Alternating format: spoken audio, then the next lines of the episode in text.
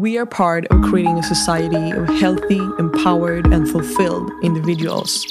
My name is Madeleine Mofjard, and I'm here to bring you perspective.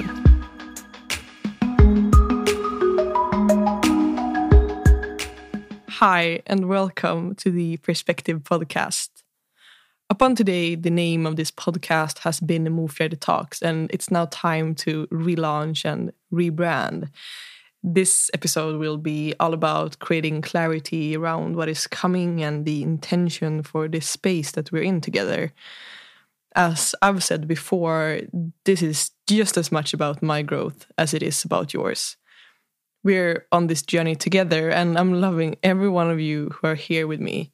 So, thank you from the bottom of my heart. I believe that one of the biggest gifts you can give yourself is the ability to invite new perspective into your life. I believe that perspective invites humility and gratitude for what we got, and it also demands for us to tap into our curiosity. Why are the people around me behaving the way that they are? And why am I behaving and reacting in the way that I do?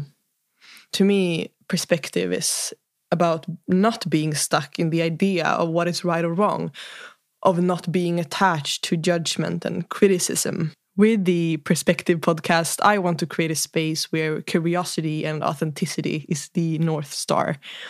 My goal is to be part of creating a society of healthy, empowered, and fulfilled individuals leading from the heart. For a life of more flow, I believe that we will all achieve this through conversations. Conversations with people who bring us a new perspective on life. What does it take to create a life of meaning? I believe that true fulfillment comes from claiming the leadership of your own life, of living in alignment with the truth of who you truly are. And with that conviction, I'm here to bring you thought provoking conversations with experts on the topic of self leadership, relationships, communication, and health. All this with the intention to ignite the feelings of aliveness and curiosity within you.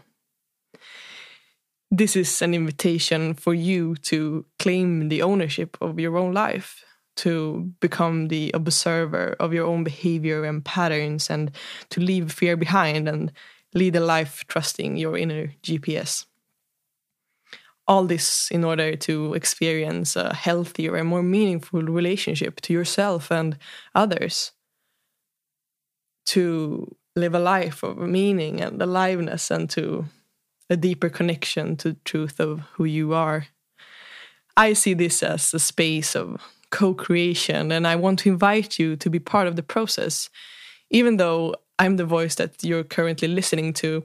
I want to know, I want you to know that you matter, that you are part of this. I've created a Facebook community where I invite you to join for a space where we can all show up fully as we are for support and guidance. And it would mean the world for me if you joined the community and shared a few words on why you're here. You will find the link in the show notes of this episode that you're currently listening to. Now, let's answer the question why I am here. Why am I doing what I'm doing?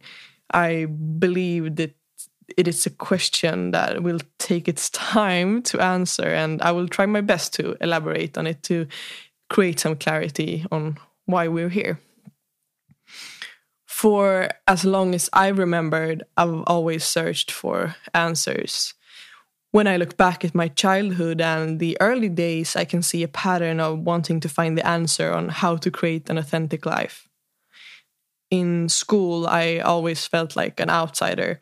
I dressed like a boy, and my best friend was my grandma. I was 12 years old when I designed and launched my first clothing line. My grandma was my assistant, or the CEO, depending on who you ask the point is that I never fitted into the box of what was normal. I was never part of the cool sporty girl girl gang in school. And it wasn't always comfortable. I've felt lonely many times and I think this becomes a great metaphor for what it takes to create an authentic and meaningful life. That it won't always be comfortable, but it will always be worth it. The way you show up in this world and the way you shine, the way you vibrate when you are living in your truth, in your authenticity, I mean, it can't be compared to anything else. My grandma became my best friend because she made me feel seen in my rawest expression.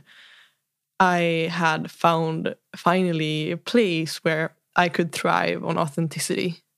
And that is all part of what I want to explore with you in this podcast how to create an authentic and meaningful life. For the past years, this has been my obsession to find out the answer on the question of what it takes to create fulfillment and well being. I've interviewed and talked to over 200 experts on the topics of relationships, communication, health, entrepreneurship, and personal development. I've also interviewed groups of people over the age of 80 in order to get some real perspective on life. What do we find most meaningful and important at the end of this current life on Earth? This has been my life for the past years, and the answers that I've found is what you hear in this podcast. My name is Madeleine Mofjärd, and I'm here to bring you perspective.